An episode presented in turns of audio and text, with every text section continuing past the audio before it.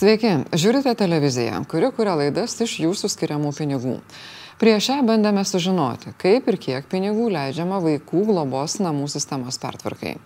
Nes prieš ketverius metus paskelbta, kad vaikai turi aukti ne valdiškose įstaigose, bet šeimose arba šeiminuose.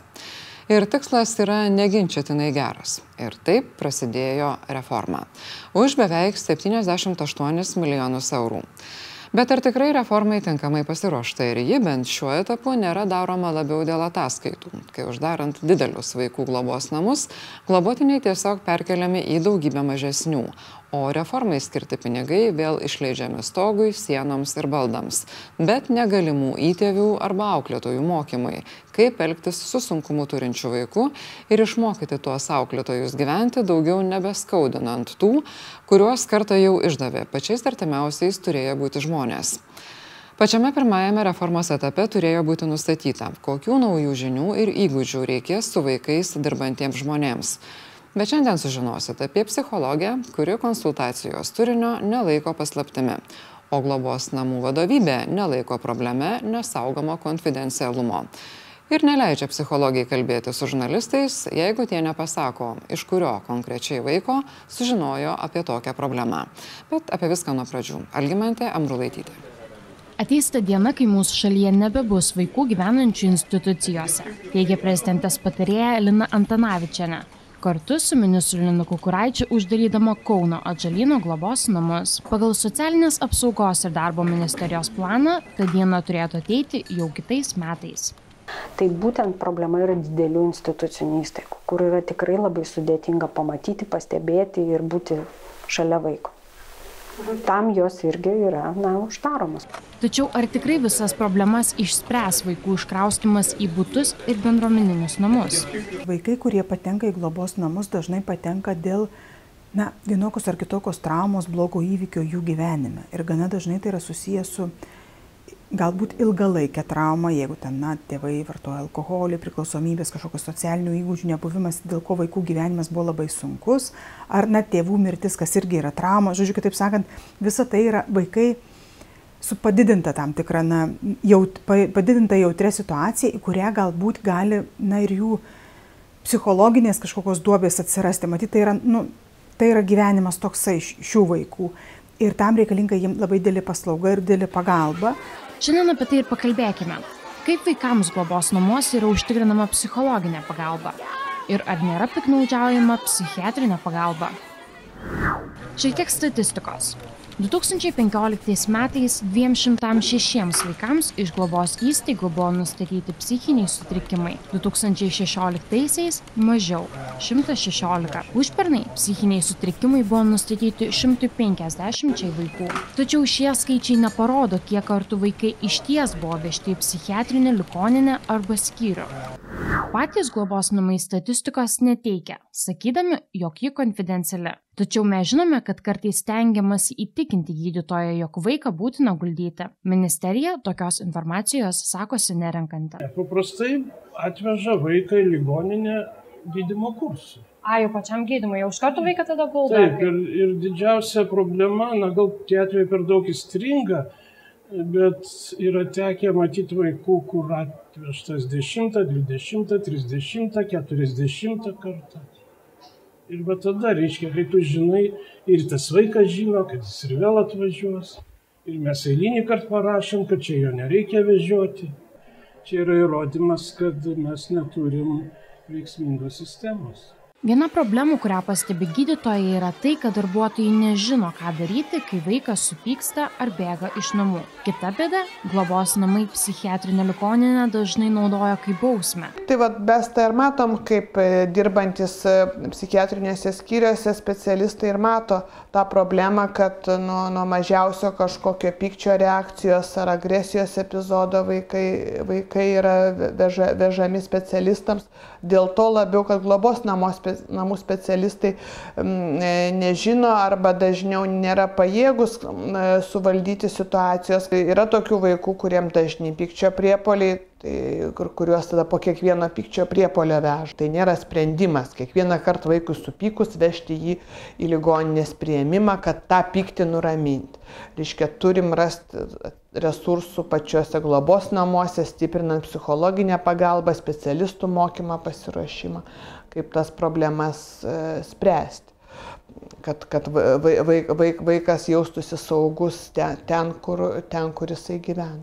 Mes esame atlikę vieną tyrimą, e, nu, vieną tokį išskirtinį, sakyčiau, išskirčiau iš kitų tyrimą, kuriame vaikinas, e, artėjantis link 18 metų, be jo sutikimo gydymo, su pasite, globos namai pasitelkė ir gydymo įstaigą, ir policiją, ir vaikinas buvo vežamas į raidos centrą su būtent policijos palyda Na, dokumentai suforminti taip, kad likti tos policijos palydos reikėjo, nors vaikas sako, kad jis tikrai netliko jokių kažkokių tai veiksmų ir jis kaip tik pamatęs, kokios jėgos yra pasitelkiamos, jis tengiasi elgtis labai kiek įmanoma gražiai.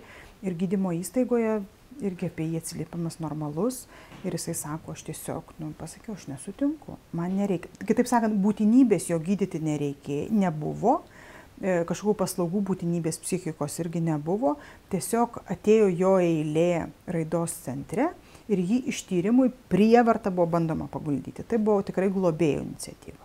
Istorija tuo nesibaigia. Dažnai atvežus vaiką į ligoninę, gydytojai pasikalba, tačiau neguldo gydimui.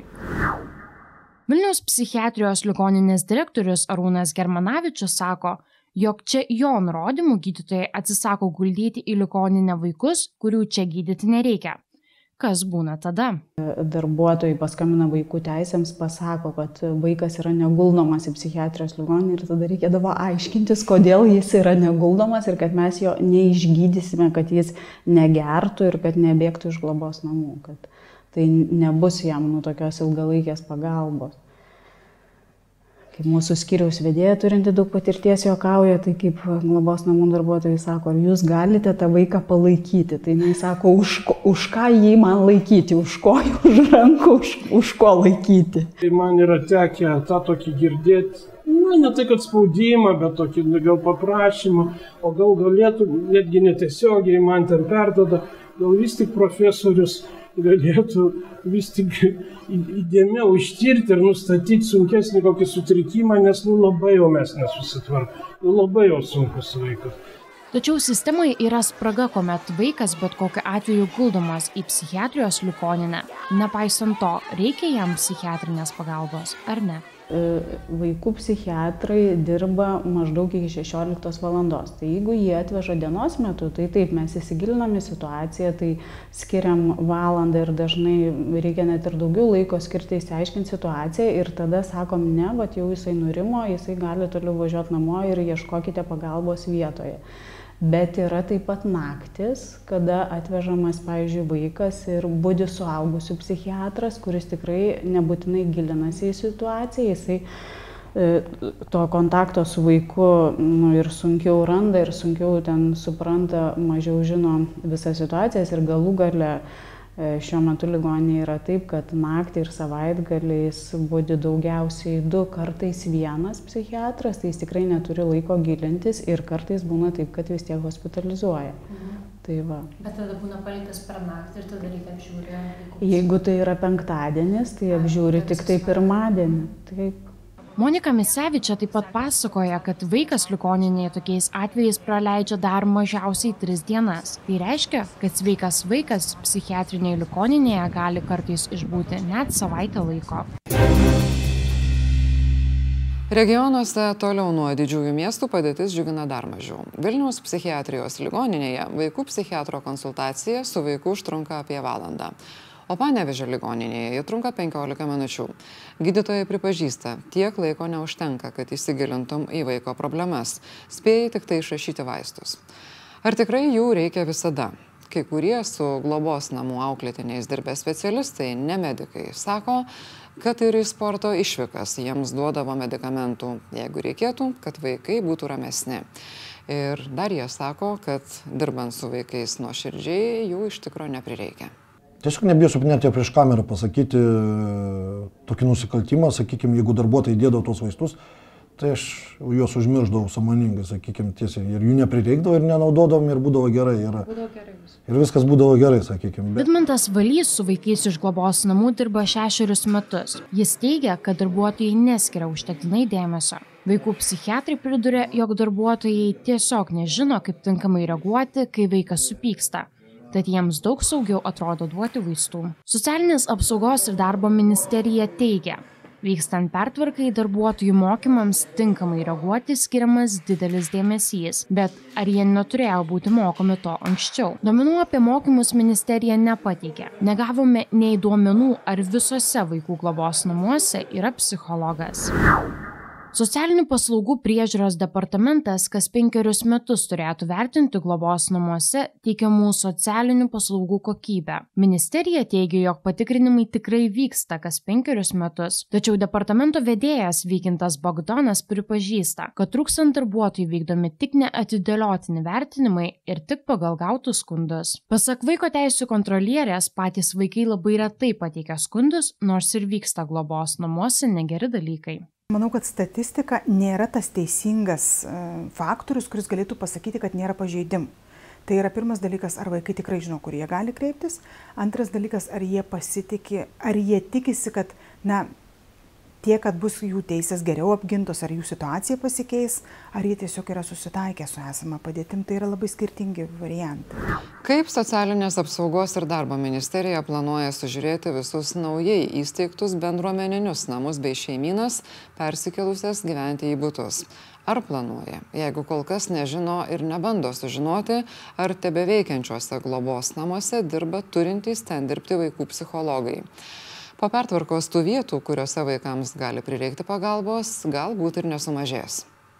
Visi psichiatrai teigia, kad kiekvienam vaikui būtina turėti artimą žmogų, kuriuo galėtų pasitikėti. Globos namuose tokiu žmogumi galėtų būti auklėtojas arba psichologas. Buvęs globos namų auklėtinis pripažino, kad tikrai ne visiems vaikams globos namuose bei mokykloje buvo kuriama gera aplinka. Iš pačių darbuotojų būdavo tiesiog gal etiketė, kažkoks nurašymas to vaiko kažkuria prasme, kad jeigu jis prisidirba, tai, nu, nes čia jis, nes čia jis toks ir, ir nebūdavo, būdavo kalbamasi, bet dažniausiai galiausiai būdavo paimama tiesiog ir daug dialogo nebūdavo, tiesiog tu taip vad padarėjai, mes žinom, kad tu taip darai ir tu tada gauni nuobaudų ir, ir, ir, nieko, ir nieko su tavim ten daugiau nepadarysi. Bet būdavo jo, iš darbuotojų irgi būdavo, kad e, tokie grasinimai, kad mes čia išvešim tave vėl, Tai vėl reikės vežti tave kažkur, tai vėl reikės čia gydyti vaistais, nepadeda tau niekas, nu, va tokie. Vėlgi, sakau, įvairių auklėtojų būdavo, būdavo, kurie tikrai stengdavosi, darydavo viską dėl tų vaikų ir tikrai būdavo ten kaip mamos mums tas auklėtojas. Bet kai, kai yra dalis auklėtojų, kurios tiesiog ateidavo tikriausiai atidirbtų valandų. Pačių globos namų direktorius Kestutis Ražanas neigia, kad yra tokia problema. Man tai atrodo tikrai, kad jau yra gera. O gali būti kažkokia informacija iki jūsų bus ne, neatėjus, galbūt vaikai kažko nepasakydavo? Nu, kiek aš supratau, jūs kokią tai disponuoja 2-3 metai kitą informaciją ir, ir galvojat per 2-3 metus ar nedaėjai iki manęs. tai, tai, tai, tai per tokius, tai turėjo daryti tada per 2-3 metus. Regbio treneris sako, kad globotiniams trūksta ir pinigų, vaikai negali nuvažiuoti net prie jūros. Bet jam baisiau, kad trūksta supratimo ir bandymo įsiklausyti vaiko poreikius. Jis pasakoja vienos mergaitės istoriją. Viena mergina irgi, tai jinai atstovauja iš tikrųjų rinktinę. Lietuvos ir jinai tikrai labai lanko treniruotės gerai ir tiesiog jinai serga jau, sakykime, kaip mes susirgom sporto tą šaką ir jinai yra susirgus ir tiesiog nori dalyvauti ir viskas. Ir gavosi, kad darbuotojai pasakė, kad e, tuo metu ir vyko egzaminai ir mes suprantam ir aną pusę. Ir mes ir laik vaikams sakom, kad prioritetas yra mokslai. Bet mūsų treneris, e, kuris dirba su merginom, tiesiog pasidomėjo, kad yra galimybė e, tuos egzaminus perlaikyti kitą datą, sakykime. Ir pasidomėjus, kad tai yra galimybė, mes informavom, pasakėm, kad tokia galimybė yra ir kad sudarytų galimybę tai mergaitai atstovauti Lietuvos rinktinę. Bet gavosi taip, kad jie pasakė, kad mokslai yra prioritetas pirmas, pirmoji vietoje ir niekur jį neišleis. Nu, tai tada mums teko įsikišti tą reikalą ir spręsti kartu, sakykime. Nu, aišku, mes kreipiamės tam tikras institucijas, kad padėtų tą dalyką išspręsti. Ministerija teigia, kad po pertvarkos keisis darbuotojų požiūris ir į vaikus. Tai mums labai svarbu, kad darbuotojai, kai perkeliami yra vaikai iš institucinių didelių globos namų į bendruomeninius, kad neišsineštų tos institucinės kultūros, kad keistųsi jų ir darbo stilius, ir požiūris. Tai mes tikrai daug investuojame tų darbuotojų mokymus, į jų vertybinės sistemos kūrimą, tą tokį jų požiūrį į vaikus. Valdininkai pažymi, kad visuose globos namuose turėtų būti vaikams padėti galintis psichologas. Kalbinti gydytojai pabrėžia, jog psichologinė pagalba turi būti teikiama pačiuose namuose. Ypatingai, jei vaikas pradeda bėgti iš jų, gerti arba jį ištinka pykčio priepoliai. Tačiau ar taip ir yra? Nu, tiesiog eina kalbas galbūt, kad nu, nieks neina pas tą psichologę vien dėl to, kad nu, ką vaikas papasakoja, ateina, atraportuoja vos ne uh, uh, auklėtojam ką tas vaikas pasakė arba ką tas vaikas masto. Nu, tokio pasitikėjimo visiškai nebuvo. Nu, ir aš nuo to karto, kai sužinojau, nu, aš nebejau pas ją. Vaiko teisų kontrolierė teigia, jog tai yra širkštus vaiko teisų pažeidimas. Nekartą esam kalbėjusi globos namuose apie pasitikėjimus. Nekartą esu dalyvausi įvairiuose psichologų renginiuose, kur visada mes kalbam apie, kas yra riba, kiek tai yra galima pasakyti įstaigos vadovui, kur jau yra tas, sakykime, informacija iš vaiko gauta, kuri vaiko teisės būtina užtikrinti ir tam reikia žinoti administracijos vadovui, pavyzdžiui, ir kur yra tiesiog na, vaiko privatus gyvenimas ir pagalba, psichologo tiesioginis darbas, kiek tas psichologas tos informacijos gali pasilikti savo. Tai nekarta tie klausimai yra iš tikrųjų su psichologais kalbėti. Lietuvos psichologų sąjungos prezidentė Neringa Grigutytė pastebi, šiuo metu psichologų paslaugos nėra licenzijuojamos, bet nėra ir institucijos, kuri kontroliuotų psichologų veiklą. Kitaip sakant, ir neetiškai besielgiantis psichologas gali dirbti globos namuose. Tai Lietuvos psichologų sąjunga turi savo etikos kodeksą ir turi komitetą, kuris vertina galimus psichologo etikos pažeidimus. Bet tai dalyvavimas priklausymas šitai sąjungai yra laisvanoriškas. Ir kartais net pasikirsta kalbų, kad nestojama į sąjungą vien tik tai dėl to, net, nes kažkas jį gali apskūsti ir turės vertintis. Jeigu nepriklausai psichologų sąjungai, faktiškai niekas profesinės etikos galimų pažeidimų ir nevertina. Kol nėra įstatymų, jisai nėra niekaip įtvirtintas ir jisai negalioja tarsi visiems. Kalbėjome su Antazavijos globos namų psichologė, nes girdėjome kaltinimų, kad ji nesilaiko konfidencialumo. Jis sakė kalbėsinti tik jei pasakysime, kurie vaikai taip sakė. Paklausta, ar praneša vaikui, kad apie jų pokalbį papasakos kitiems darbuotojams, Psichologė atsakė, kad vaikai ir taip tą žino. Filmuotis psichologė nesutiko, jeigu negausime administracijos leidimo. Leidimo negavome, nes atsisakėme administracijai įvardinti konkrečius vaikus, papasakojusius apie netišką psichologę. Sveikatos apsaugos ministerija padėti irgi nebuvo linkusi.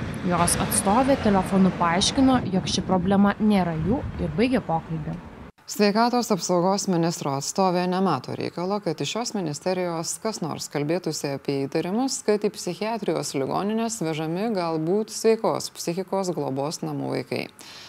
Tik tai priminsiu, kad sveikatos apsaugos ministerija yra viena iš tų keturių, kurios dalyvauja įgyvendinant institucinę globos namų pertvarką. O ministras pagal profesiją yra gydytojas psichiatras. Ačiū, kad žiūrit. Ačiū, jeigu palaikot. Jeigu dar nepalaikot, bet jums visai patinka tai, ką mes čia darom, labai prašau užsiprenumeruoti ir jeigu galite paremti. Dėkui ir iki.